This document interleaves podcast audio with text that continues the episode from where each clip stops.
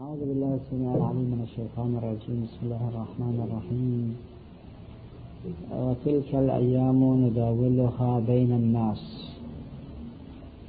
الأيام مداولة. الملك السلطة التجارة المرجعية المنبر الوظيفة السيادة كلها تداول. يوما هذا ويوما هذا ويوما هذا.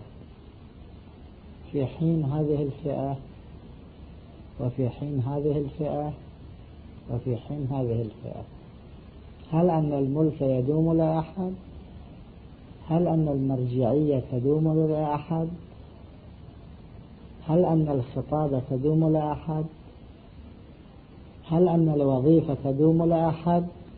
هل أن السلطة والسيادة تدومان لأحد؟ لا. وتلك الأيام نداولها بين الناس. يعني أن الأيام قسم وحصص. يوم لك ويوم عليك. يوم ارتفاع ويوم انخفاض. يوم سيادة ويوم نزول عن مركب السيادة. الله يصنع هذا الشيء.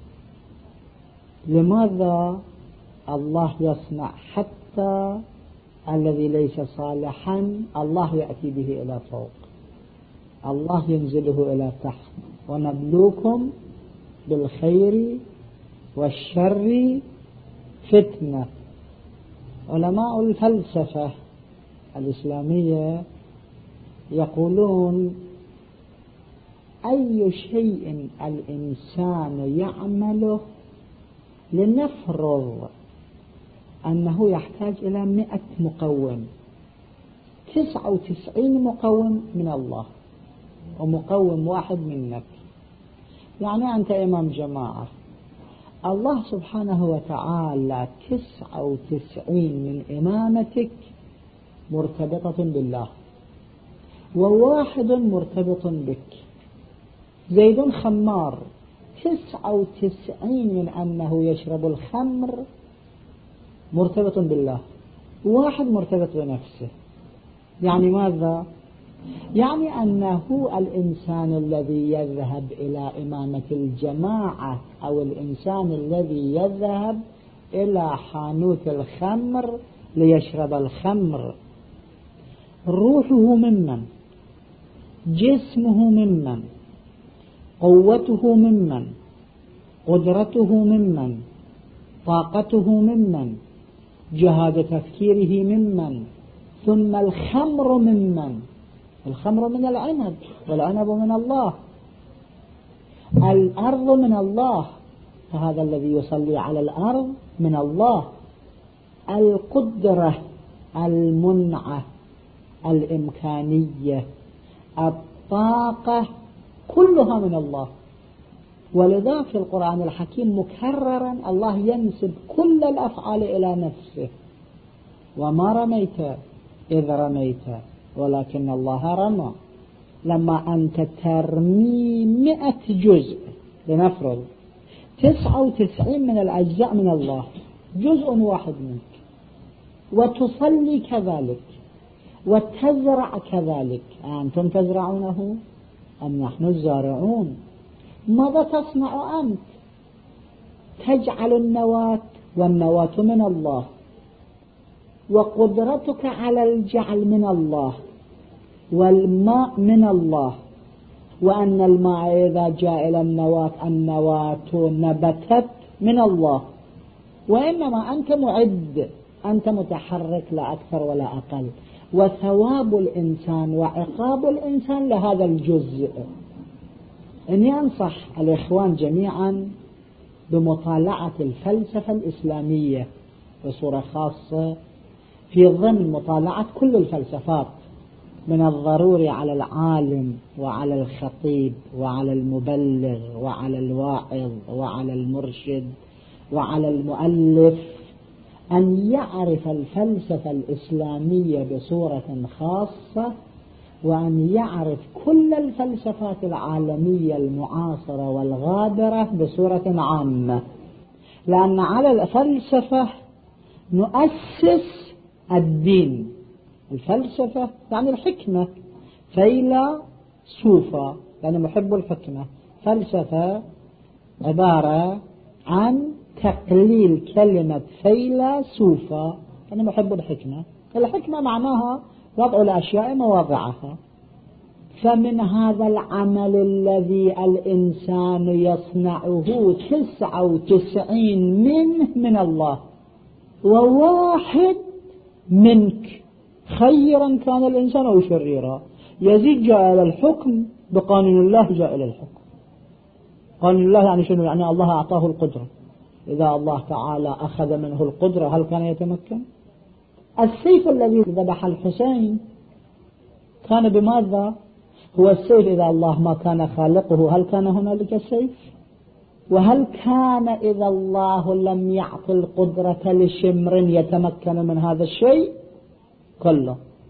الإنسان ما يعمله تسعة وتسعين منه من الله. خيرا كان أو شريرا. عمل خير كان أو عمل شر. وواحد منك ومني. وعلى هذا الواحد نثاب ونعاقب. يعني شمر واحد منه في قتله الحسين فيعاقب على هذا الواحد. الله تعالى يوم القيامة لا يقول له لماذا كانت لك قدرة؟ لماذا كنت حيا؟ لماذا كنت مفكرا؟ لماذا كان بيدك السيف؟ لماذا كان أصل السيف؟ لا يقول. كله صنعه يقول لماذا حززت؟ هذا منك. وكذلك أنت الذي تذهب وتكون إمام جماعة وتكون خطيب. الله تعالى يوم القيامة لا يقول لك لماذا كنت أو كانت لك طاقة وقدرة وفكرة. يقول لك ويعطيك الثواب لأنك باختيارك صعدت المنبر وباختيارك تكلمت. فإذا في الآية الكريمة تلك الأيام نداولها بين الناس الله يرفع والله يخفض. لأن 99% من الله. الإنسان في الحياة خيرا أو شريرا. مصداق لهذه الآية المباركة كلا نمد هؤلاء الخيرون وهؤلاء الأشرار من عطاء ربك. وما كان عطاء ربك محظورا في الدنيا أعطاء الله يعم المؤمن والكافر الخير والشرير. العادل والفاسق الصديق والمنافق. عطاء الله يعم كلهم. هذا شيء. الشيء الثاني هل من الطبيعة أن الأخيار يتقدمون؟ أو من الطبيعة أن الأشرار يتقدمون؟ لا. الله تعالى جعل أن من الطبيعة الأخيار يتقدمون. المصلون يتقدمون الصادقون المؤمنون المتدينون المصلحون العادلون. الله تعالى جعل هؤلاء يتقدمون. يعني كون الحياة تكوينا أن الفرص لهؤلاء أكثر. فلماذا نرى الأشرار يتقدمون؟ لا أحد سببين. إما لأن المتدين انسحب فجاء مكانه الشرير. انسحب المتدين بقي الفراغ جاء مكانه الشر. نفران لنفرض خطيبان. خطيب واقف وخطيب واقف وجماهير واقفون. خطيب يقول أيها الناس عليكم بالصدق عليكم بالأمانة عليكم بالوفاء. عليكم بالحياء عليكم بالعمل عليكم بالشهامة عليكم بالكرم عليكم بالجود عليكم بالسخاء عليكم بالشجاعة. وخطيب واقف في مسمع من الناس يقول أيها الناس عليكم بالكذب عليكم بالخيانة عليكم بضرب الناس عليكم بإيذائهم. على أي الخطيبين يلتف الناس أكثر؟ لا شك على أن الذي يأمر بالصدق والأمانة والوفاء والحياء والغيرة والمروءة يلتف أكثر مما يلتف حول الذي يأمر بالكذب والخيانة والدجل والشعوذة والبخل والجبن والكسل وما أشبه. الخير يلتف الناس حوله أكثر. وإنما إذا لم يكن هذا الخطيب الخير وكان خطيب واقفا وألبس الباطل ثوب الحق. الناس يلتفون حوله. طبيعة الحياة الله جعلها أن الفرص للخير أكثر. لكن الشرير يتقدم لسببين. إما لانسحاب الخير لا خير في الميدان. الناس يلتفون حول الشرير. لا طبيب فاهم الناس يلتفون حول الطبيب الدجال. لنفرض الآن أصبنا بالكوليرا وذهبنا نريد طبيبا للعلاج ولم نجد هذا الطبيب. تلقائيا رأينا إنسانا مشعوذا جالسا على قارعة الطريق يعطي بعض التعاويذ السحرية. تلقائيا نذهب إليه. لأن الغريق يتشبث بكل حشيش. فطبيعة الإنسان أن يلتف حول الخير وفرص الخير أكثر إلا انسحب الخير. عن الميدان تكون الدولة للشرير يكون الأمر للشرير. هذا أولا. الشيء الثاني الذي يسبب التفاف الناس حول الأشرار أنه موجود الخير لكن الخير لا يجد الآلة كل شيء بالآلة النجار يحتاج إلى الآلة والبناء يحتاج إلى الآلة والصانع يحتاج إلى الآلة الخير موجود لا يجد الآلة الشرير يلتهم الاجتماع هاتان مقدمتان.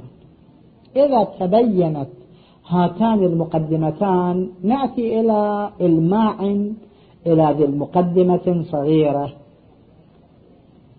يعني ذي المقدمة صغير. إيران التي نشاهدها الآن. الآن 130 سنة.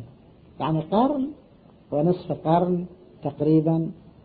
العلماء ثاروا فيها أربع مرات. وفي ثلاث مرات نجحوا وهذه هي المرة الرابعة لعلم الأصدقاء بالتاريخ.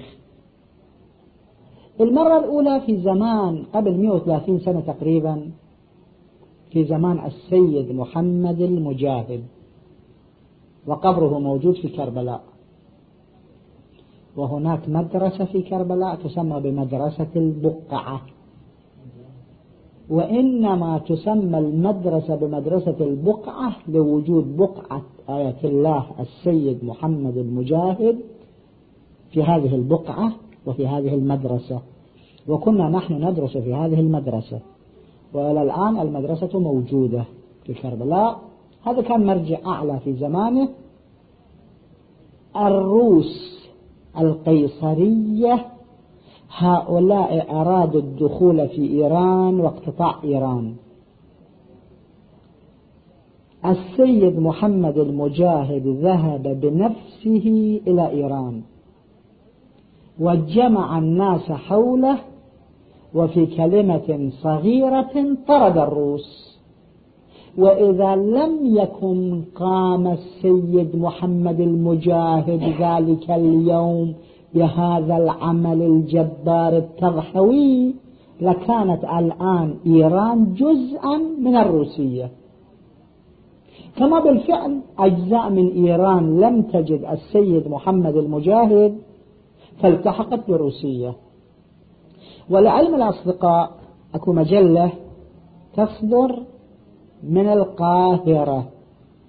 اسم المجلة أكتوبر. في هذه المجلة بعد عشرين يوم ثلاثين يوم هل حوالي؟ أنا قرأت شخصيا كتاب حول المسلمون في الاتحاد السوفيتي. باحث غربي عشرين سنة حقق حول هؤلاء. هذا الشيء الذي كان يجب أننا كمسلمين نعمل. لكن هو عمل. لأن أولئك في الحقيقة عرفوا كيف يهتبل الحياة ونحن بعد إلى مفتتح الطريق. هذا الباحث عشرين سنة يحقق حول المسلمين في الاتحاد السوفيتي ويجمع المعلومات من الكتب والمجلات والجرائد والإذاعات وما أشبه. فأخيرا ألف كتاب.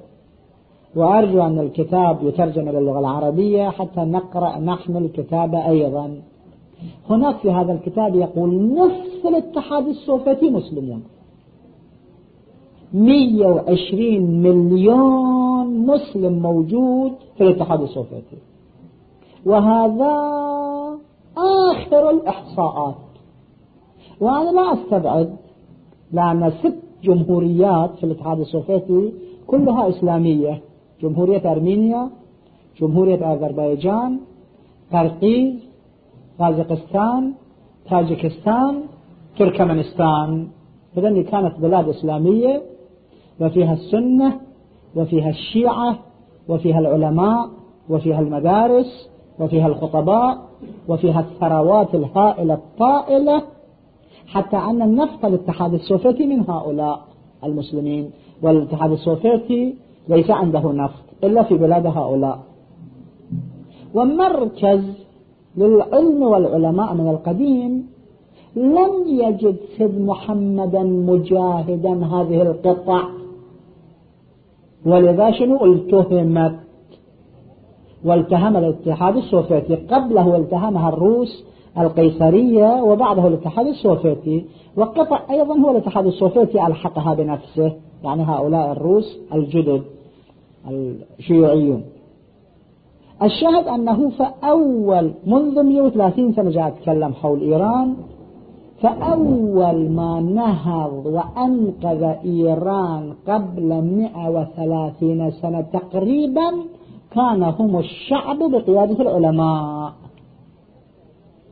وأرجو الإخوان أن يقرأوا التاريخ المفصل لأن هذا له تاريخ مفصل كبير. هذا أول مرة. قبل تسعين سنة يعني بعد أربعين سنة تقريبا من هذه الواقعة أنقذ إيران عالم ثان مع الشعب من يد البريطانيين الإنجليز. في قصة المرزا حسن الشيرازي. الذي دخل الإنجليز إيران تحت ستارة تنباك. وأنا قرأت في كتاب مخطوط وكنت في فكرة أن أطبع الكتاب في العراق لكن ما وفقنا لطبعه. كتاب ينقل حوادث هذه القصة لأن القصة لم تكن في زمانها صغيرة. المرزا حسن الشيرازي وكان ذاك اليوم يقطن في سامراء وقبره الآن في النجف الأشرف قرب باب الطوسي وتصويره موجود وهو يصير جدي من الأم وابن عم والدي من الأب. قبل تسعين سنة دخل الإنجليز بأعداد هائلة إلى إيران.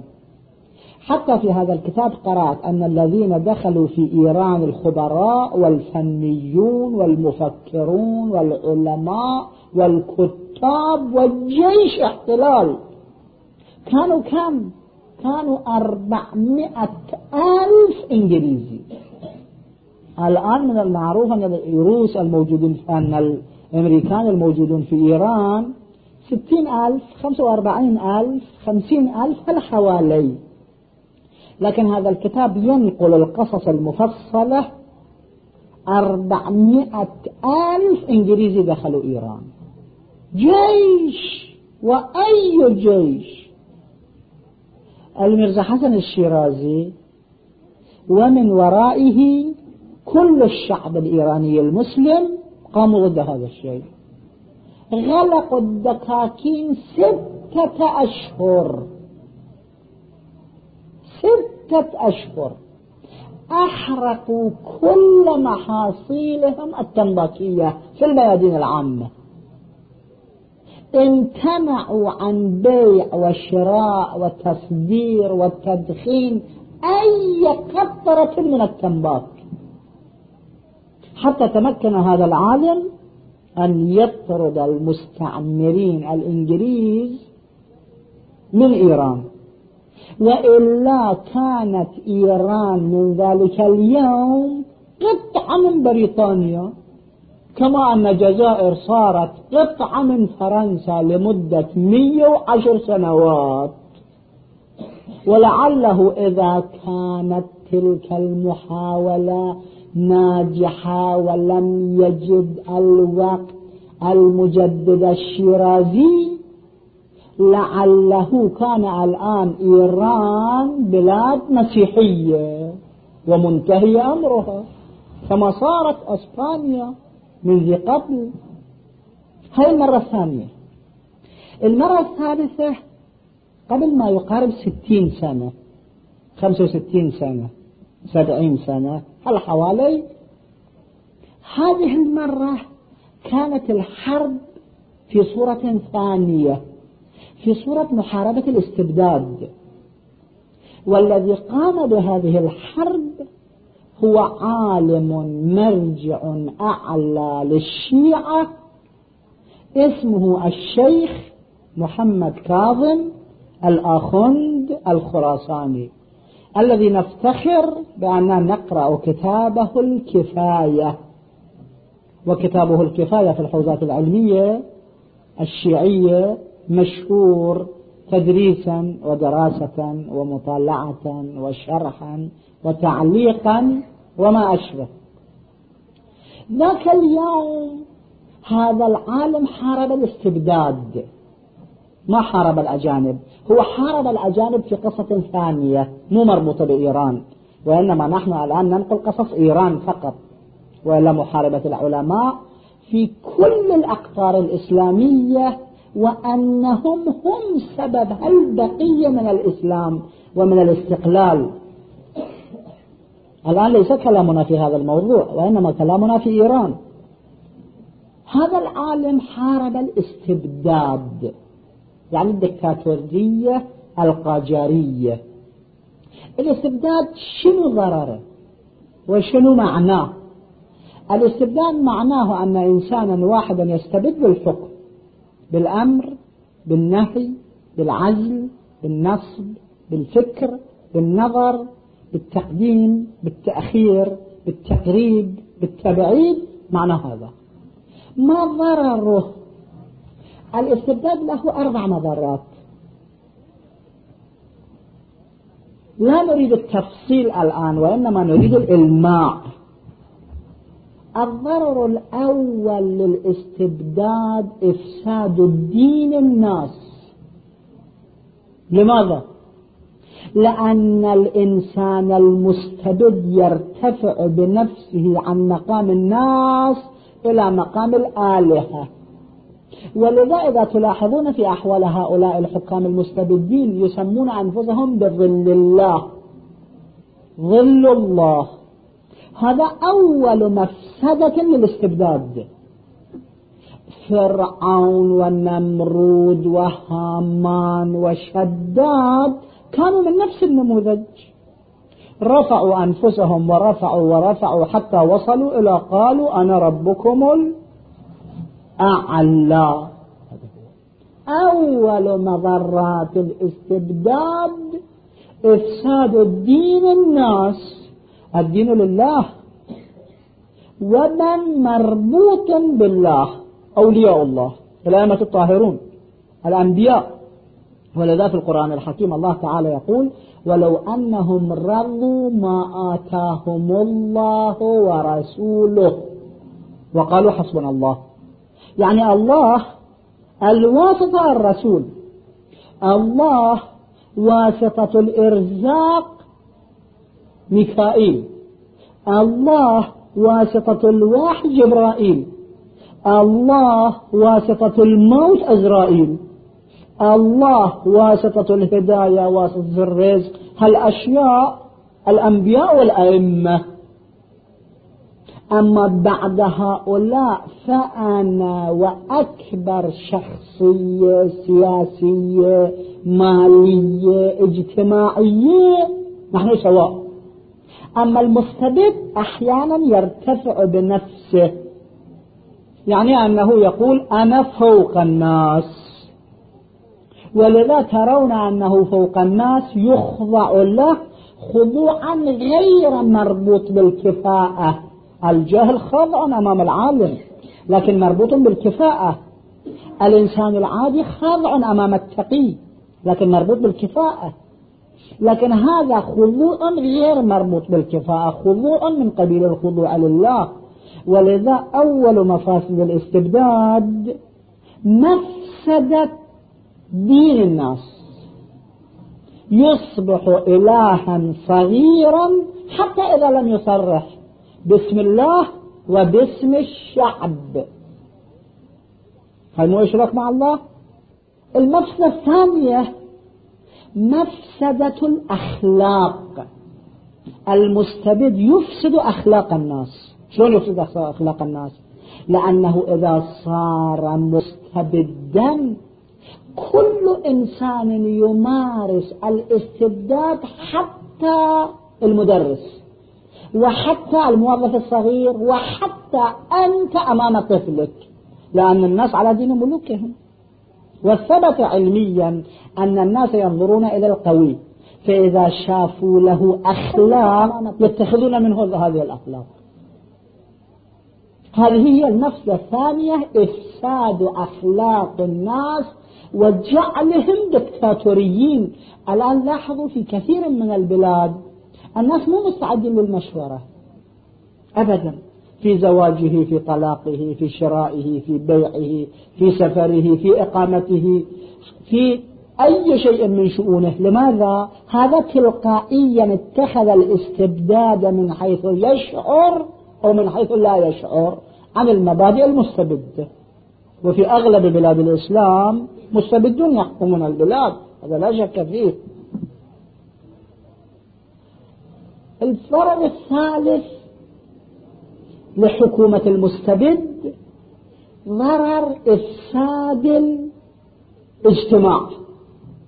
إفساد الدين إفساد الأخلاق إفساد الاجتماع. كيف؟ لأن المستبد يقرب من يخضع له والكفاءات دائما لا يخضعون. الكفاءات تنسحب. غير الكفاءات الإمعات على لسان الإسلام. الإسلام يسمي هؤلاء إمعة. هؤلاء يتقدمون ويسميهم الإسلام إمعة في الروايات تخفيفا عن أنا مع. هذا هو. عندي عقل لا. عندي تفكير لا. أعرف هذا الطريق صحيح وهذا الطريق فاسد لا. أنا معه حشر مع الناس عيب. الضرر الثالث في الاستبداد والحكومات الاستبدادية فن وعلم وفهم وذكاء وما أشبه. طبيبان طبيب مستقل في تفكيره لا يأتي به المستبد والطبيب إمعه يأتي به المستبد. فهل يتمكن من علاج الناس هذا الطبيب؟ الغير الكفء. وقل هذا في المهندس وفي الاقتصاد وفي السياسي وفي العلم وفي الفن وفي كل شيء. هذا الضرر الثالث. الضرر الرابع للاستبداد إفساد اقتصاد الناس. لأن المستبد يرى كل المال له. إنما العراق بستان لقريش. أحد حكام عثمان يقول هذا الشيء؟ ما شاء أعطى وما شاء منع. ذات مرة مات أحد أصحاب الصفة وجد في ملابسه درهمان. الرسول قال إنهما سمتان من النار على جسمه. في زمان الرسول غير المستبد وأمرهم شورى. لأن هذا الرجل لا حق له أن يجلس في الصفة ويأكل فضل أموال الناس ويتكفف وهو يملك درهمين. وذات مرة عثمان بنفسه يقول ذهبت إلى رسول الله في قصة فرأيت الرسول مضطربا وغدا ذهبنا إليه ورأيناه بشوشا. ما لك يا رسول الله البارحة؟ قال أربعة دراهم من بيت المال كانت عندي في الليل وأنا لا أعلم. لا أعلم حسب الموازين الطبيعية. الرسول الدرس. وأنا لا أعلم أنه هل أموت إلى الصباح أو لا أموت مع العلم إذا الرسول كان يموت. كان علي خليفة الله ويعطي المال. بينما في زمان عثمان حيث نجح الاستبداد وإذا المؤرخون ذكروا أن بعض الصحابة لما أريد تقسيم إرثه تقسيم إرثه جلس جماعة هنا وجماعة هنا وجاءوا بالذهب وكوموا الذهب حتى حال الذهب بين هذا الجانب وهذا الجانب. وأن قسما من الصحابة لما ماتوا في زمان عثمان وبعد عثمان كسرت ذهبهم بالفؤوس للتقسيم الإرثي أكو فرد قائمة جميلة للشيخ عبد الحسين الأميني الله يرحمه في كتاب الغدير ببعض الثروات التي جمعها الخليفة وحواشي الخليفة والذين كانوا متأثرين بأسلوب الخليفة. قائمة يذكر فلان كم مليون فلان كم مليون فلان كم مليون مثل هالقائمة المشهورة التي قرأتموها البارحة واليوم في الصحف. هذا طبيعة الاستبداد.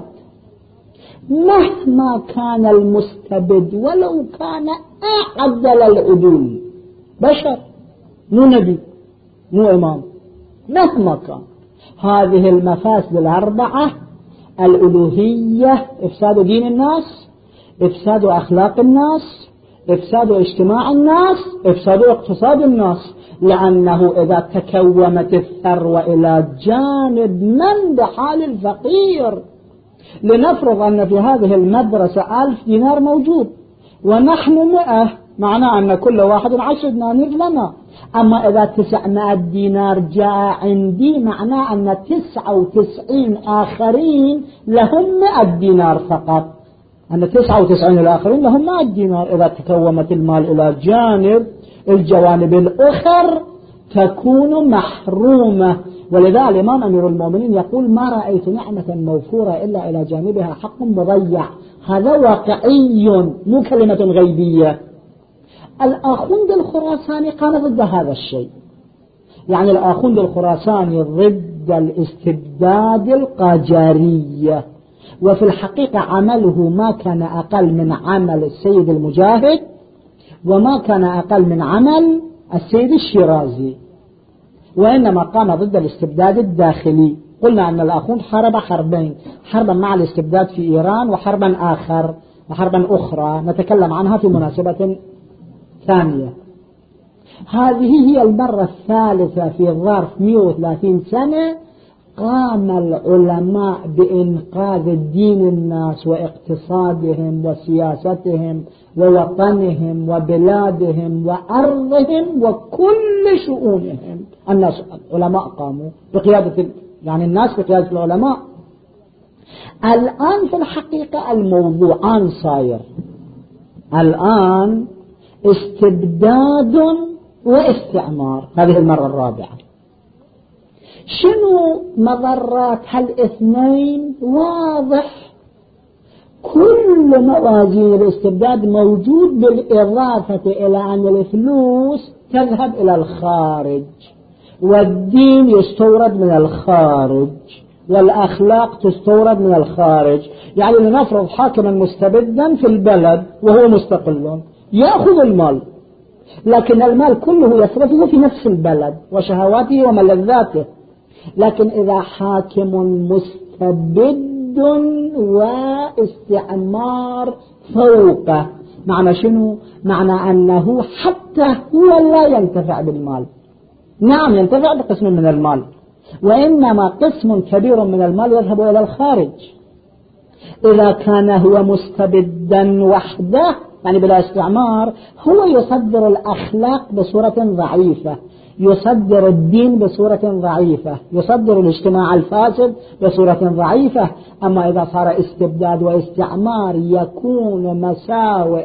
الاستعمار والاستبداد معا. ونحن شخصيا نرى أنه لا بد من النجاح وينجح.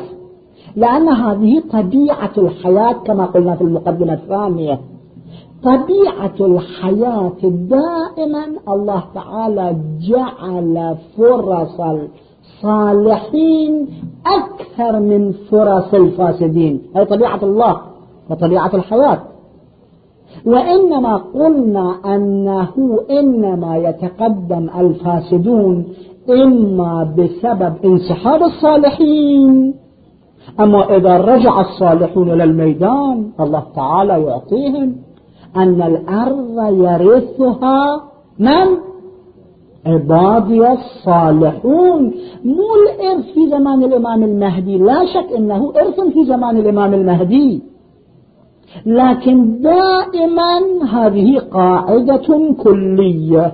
الأرض يرثها عبادي الصالحون. خباز سيء وخباز حسن. حول من يلتف الناس؟